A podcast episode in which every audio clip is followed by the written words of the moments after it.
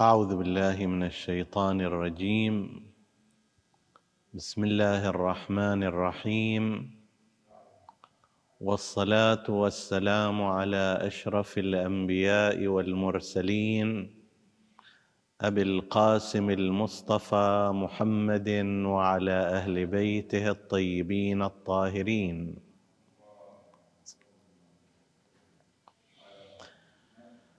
السلام عليكم أيها الإخوة المؤمنون أيتها الأخوات المؤمنات ورحمة الله وبركاته. ونحن في رحاب ذكرى أمير المؤمنين وسيد الوصيين أبي الحسن علي بن أبي طالب صلوات الله عليه وعلى أبنائه الطاهرين. نهنئ العترة الهادية بهذا الميلاد المبارك والمناسبة الشريفة. ثم نهنئ مراجع الدين وعامة المؤمنين ونسأل الله سبحانه وتعالى أن يجعلنا وإياكم من شيعة الإمام وأتباعه والفائزين بشفاعته وشفاعة أبنائه الطاهرين. يحار الإنسان عندما يريد أن يتحدث عن قمة سامقة كالتي وصل إليها أمير المؤمنين عليه السلام من الفضل والمنزلة حيث يتلو رسول الله صلى الله عليه وآله كيف لا والنبي صلى الله عليه وآله قال في شأنه أنت مني بمنزلة هارون من موسى إلا أنه لا نبي بعدي.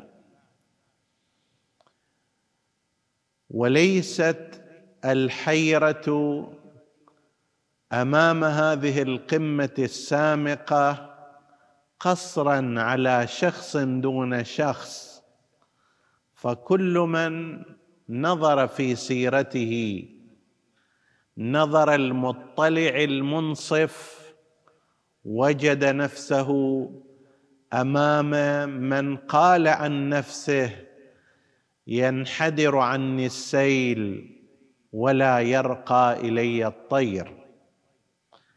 فهذا ابن أبي الحديد المعتزلي شارح نهج البلاغة يعبر عن كل من وقف على ساحل بحر أمير المؤمنين ومحيطه المتلاطم.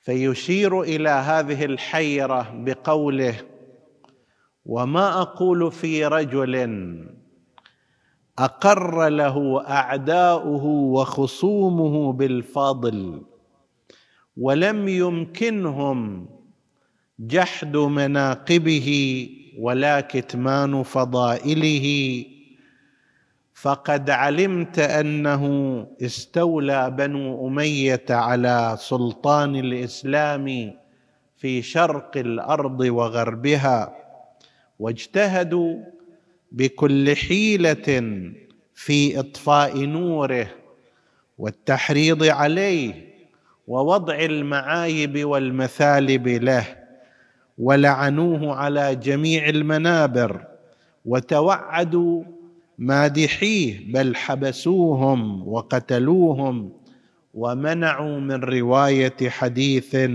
يتضمن له فضيلة أو يرفع له ذكرا حتى حضروا. أن يسمي أحد ابنه باسمه فما زاده ذلك إلا رفعة وسموا وكان كالمسك صلوات الله عليه. كلما كلما ستر انتشر عرفه وكلما كتم تضوع نشره وكالشمس لا تستر بالراح وكضوء النهار إن حجبت عنه عين واحدة أدركته عيون كثيرة. وهذا الكلام العمري وكلام غيره وكلامنا هو جهد المقل وما عسى أن يغترف إنسان بيده من بحر مواج فلنا أن نقر بالعجز عن الإحاطة بهذا العظيم الذي جعله الله عز وجل بعد رسوله هاديا لكل قوم ووصيا على هذه الرسالة. ولكننا سوف نتناول جانبا من تلك الجوانب وهي أن نتحدث عن ما كان عليه أمير المؤمنين عليه السلام من الموقع بعد رسول الله صلى الله عليه وآله خليفة بلا بلا فصل ووصيا مباشرا. وإماما قائما بحق رسول الله وبشريعته صلوات الله وسلامه عليه وعلى آله.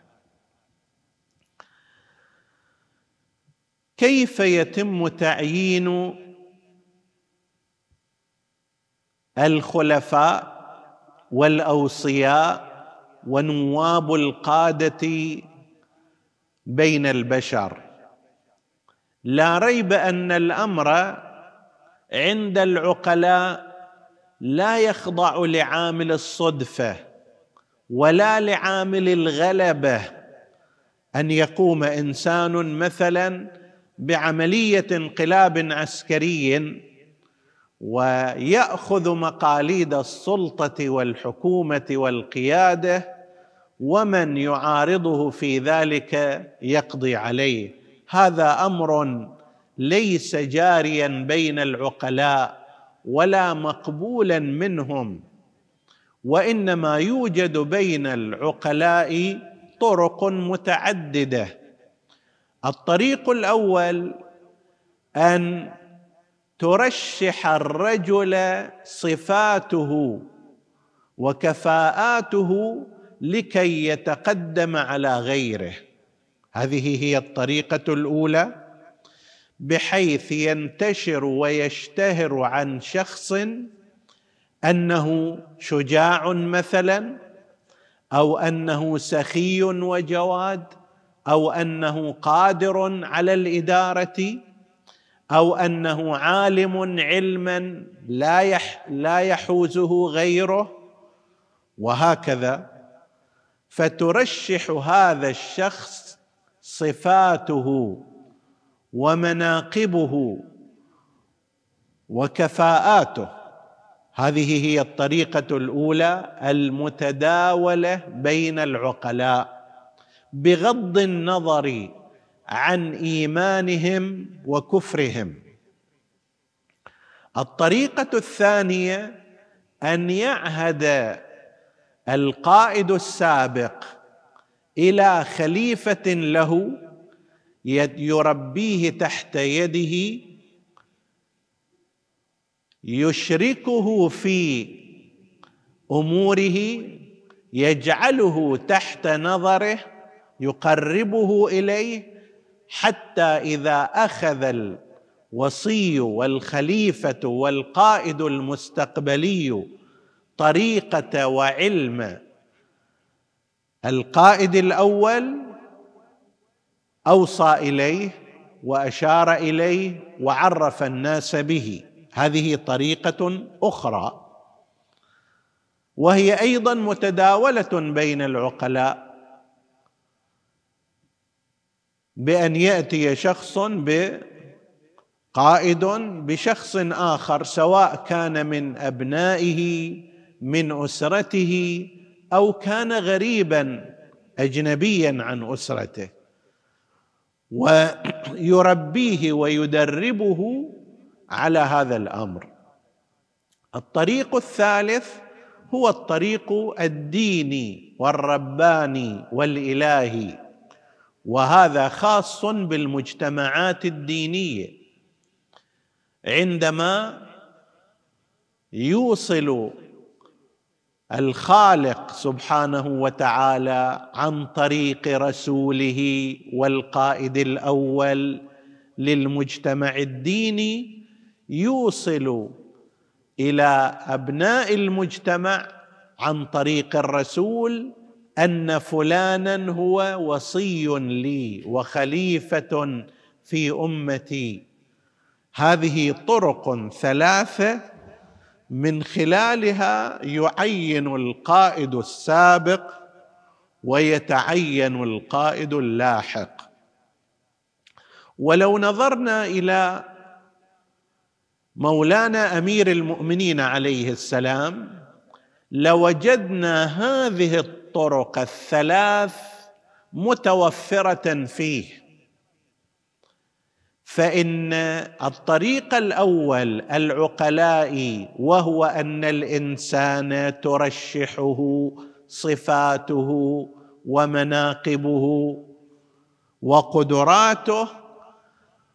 نجد أمير المؤمنين عليا عليه السلام لا ينافسه أحد من أصحاب رسول الله بل بل ولا مجموعهم في صفاته. فإن علمه بالدين بالشريعة بالقرآن الكريم لا يمكن أن يدانيه أحد فيه. هو أعلمهم هو أقضاهم هو أفقههم هو أعلمهم بالقرآن الكريم.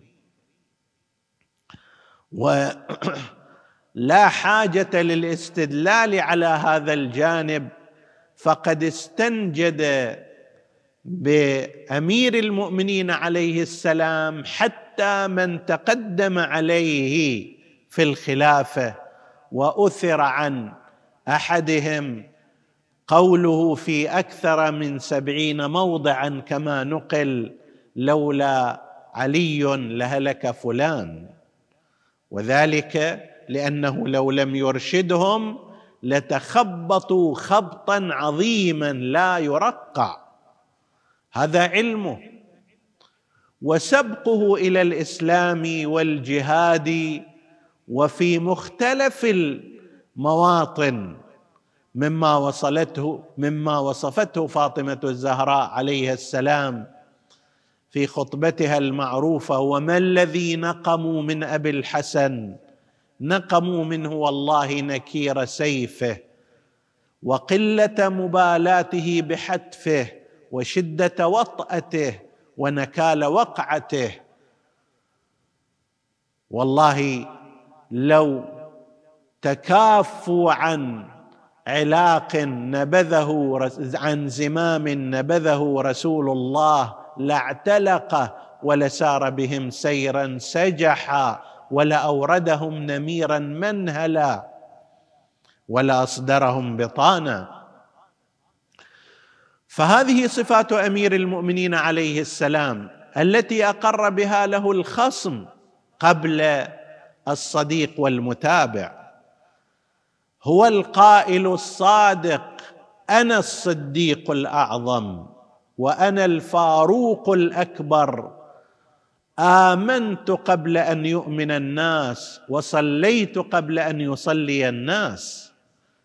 كان سابقا إلى الإيمان سابقا إلى الجهاد. طبعا هذا من باب ضيق الخناق وإلا ما كان علي عليه السلام غير مؤمن حتى يسبق إلى الإيمان. ولهذا فإنه حتى غير أتباعه يتحدثون عنه بعبارة كرم الله وجهه لأنه ما سجد لغير الله عز وجل في حين فعل ذلك غيره ممن تقدم عليه فعل ذلك سنوات وسنوات.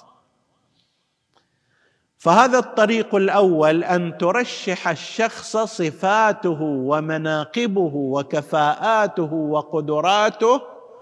هذا حاصل بأوضح ما يمكن في أمير المؤمنين عليه السلام. الطريق الثاني أن يقوم القائد السابق كنبي أو حتى قائد بشري بجلب شخص وتربيته تحت يده وتدريبه على أمور قيادة الناس. حتى إذا غادر القائد الأول استلم هذا القائد الثاني بوصية منه وبتقديم من قبل سابقه. وهذا أيضا حصل مع أمير المؤمنين عليه السلام من رسول الله صلى الله عليه وآله. فقد كان أمير المؤمنين عليه السلام مع رسول الله منذ نعومة أظفاره. يقول عن نفسه وكنت مع رسول الله بالقرابة القريبه والمنزلة الخصيصة يشمني عرفه ويلقي إلي من علمه وينصب لي في كل يوم علما من أخلاقه وعلومه ويأمرني بالإقتداء به. هو تربية رسول الله صلى الله عليه وآله. رسول الله يقول أنا أديب الله وعلي أديبي. فهو أديب النبي. وتربية يده ومخزن علمه وباب مدينة علمه. كان معه في حروبه كلها وفي مواقفه كلها وفي مواطن مشاهده كلها في سلمه وحربه. حتى إذا أخذ من رسول الله صلى الله عليه وآله ما علمه وكان مما علمه ألف باب من العلم ينفتح له من كل باب ألف باب وهذا جزء من ذلك العلم الذي أخذه عنه. فكيف بكل علمه وكيف بكل تجاربه فرباه رسول الله صلى الله عليه وآله ووصفه بما وصفه. ثم عهد إليه وبلغ عنه وأوصى إليه. والطريق الثالث هو أن وهو الطريق الإلهي الغيبي الديني. حينما يأمر الله سبحانه وتعالى نبيا من أنبيائه بأن يعهد بالأمر إلى وصيه وهذا حصل في بني إسرائيل. لكل نبي وصي وهذا الوصي يعين من قبل الله عز وجل ويصطفى من قبل الله ثم يؤمر النبي ذاك بأن يبلغ عنه ويخبر الناس عنه. وهذا ما حصل لأمير المؤمنين عليه السلام لا في يوم الغدير فإن يوم الغدير هو أحد انحاء في التبليغ وإلا لقد كان منذ يوم الدار يوم الدار والإنذار عندما كان أمير المؤمنين ابن عشر سنين. عند ذلك أخبر الناس رسول الله صلى الله عليه وآله أن هذا أخي وخليفتي ووصيي وخليفتي من بعدي يقضي ديني وينجز عداتي. وكان في ذلك الوقت عمر أمير المؤمنين عشر سنين عشر سنين. وتتالت هذه التبليغات واحدة بعد أخرى حتى لم تبق وسيلة من الوسائل وطريقة من الطرق التي يبلغ بها القوانين والقرارات إلا واستعملها رسول الله صلى الله عليه وآله. في السلم وفي الحرب مع الجماعة ومع المنفردين في حضور عشرات الآلاف كحديث الغدير وفي حضور أفراد معدودين كما تكرر ذلك وبمختلف الألسنة. فهكذا كان رسول الله صلى الله عليه وآله مبلغا شأن أمير المؤمنين وخلافته ووصايته وولايته من بعده. واجتمعت هذه الطرق الثلاث في شأن خلافة وولاية أمير المؤمنين سلام الله عليه. من هنا ندعو عامة المسلمين وليس فقط شيعة أهل البيت عليهم السلام. شيعة أهل البيت أكرمهم الله بأنهم يعتبرونه إماما مفترض الطاعة ويأخذون كلامه وفقهه وفكره ويقتفون أثره. إننا ندعو سائر المسلمين إلى أن يلتفتوا إلى هذا الإمام الوصي والخليفة لرسول الله بلا فصل. لقد كان هناك حدث تاريخي خاطئ جرى على غير ما ينبغي. أفهل من الصحيح أن يستمر المسلمون أسرى لهذا الحادث التاريخي؟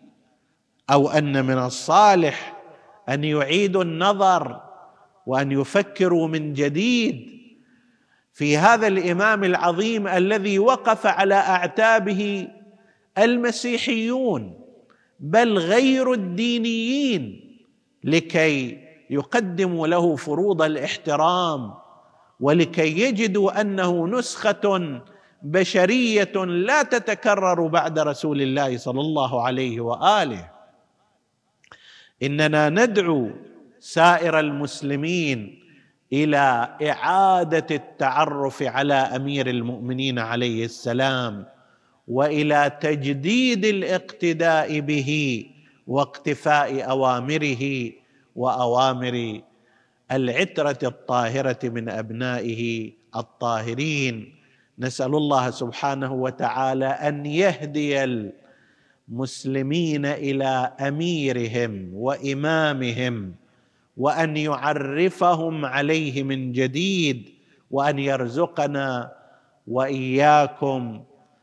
والسامعين شفاعة هذا الإمام العظيم إنه على كل شيء قدير.